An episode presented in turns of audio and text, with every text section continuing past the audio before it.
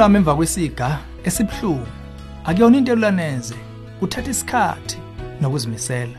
Sizokhuluma ngezibazi zobhlungu ezisalelayo bese siphakamisa indlela zokubhekana nazo emva kwesiga esibhlungu khona la ohlelweni ezomndeni. Hlala nathi.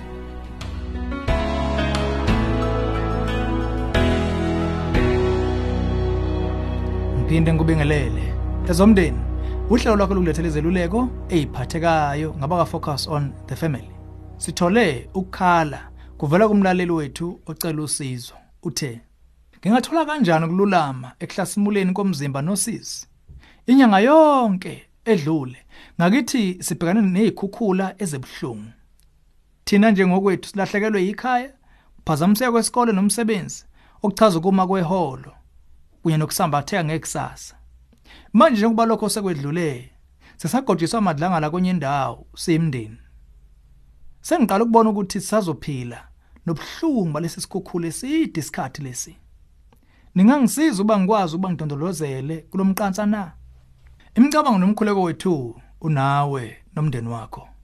Akuyi kubalula neze ukuthola amandla ukuqina ngumzuzwana emva kwalesi siga. Kodwa ungathatha igxathe elihle lokuqinisekisa ukuthi impokophelo zakho isemgudini omuhle. Kubeke nje engqondweni ukuthi inhlekelele inhlekelele. Ayikho indlela enqamlelayo kulapheke kubhibheni kwelonda kuwe. Kungenye into ukubhekana nezingcindezi zempilo ezejwayelekile. Kodwa ubhlungu besehlo obuqaqamba ngokusheshsha behlukile. Ngakho bheka phambili uziphi ukuyibekezelela usalulama. Kuvele ukuthi lezi zehlo zamasonto ambalwa evile akubeke esimeni ongakaze ubhekane nasempilweni.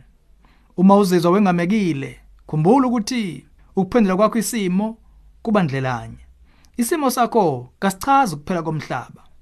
Kodwa kuzobiza uqina umempo uphikele phambili ze kwedlule konke okubhlungu kwenzekile nokukhungatheka osekubuya ukukhubaze zonke izimo zakho zamanje. Umoya womuntu ulolonga ngesimanga sokwazi ukubhekana nobuzima. Iningi lethu siba semathubeni okubhekana nobhlungu bevile insuku zasalisi. Khona lapho futhi iningi lethu liyakwazi ukuba zinkunzi ezimdwayidwa kodwa engophondo kalugobi. Ngokuhamba kwesikhathi lemdwayidwa iphola yona igcinise ngomaka bokuba ngoma kade bona. Imvamisa kuba inyanga ezintathu kulapheka. Le nyanga ezintathu zingabuya ziminyaka engaphezulu kwa100 uma usuku sencindezini enzima. Kodwa qina na kanjani ongapheli kuhlola umhlolo uqobo kuzodlula qeda uhleke wedwa lisukulumbe. Okwamanje kunezinto ongazenza ukuqhuba impilo ngekhonce elihle. Oqala xhumana nemizwa yakho qeda uvume ngaphakathi ukumwela ubhlungu. Zinika imvume yokukhala. Lokho kusemqoko isibili uma unowa kwakho nezingane ezibheke kuwe kumbe ezithembele kuwe. Qinisa imizwa yenhliziyo eliqiniso ngokuzipha isikhathi uxoxe nomunye omethembayo. Ngakho konke odlule khona. Vuleleka ngemizwa yenhliziyo yakho kodwa ungeqisi. Kwezinye izimo ukukhuluma konke kusengavusa isibibithwane. Ziphi isikhathi ukukhule kuwedwa nomndeni nezihlobo.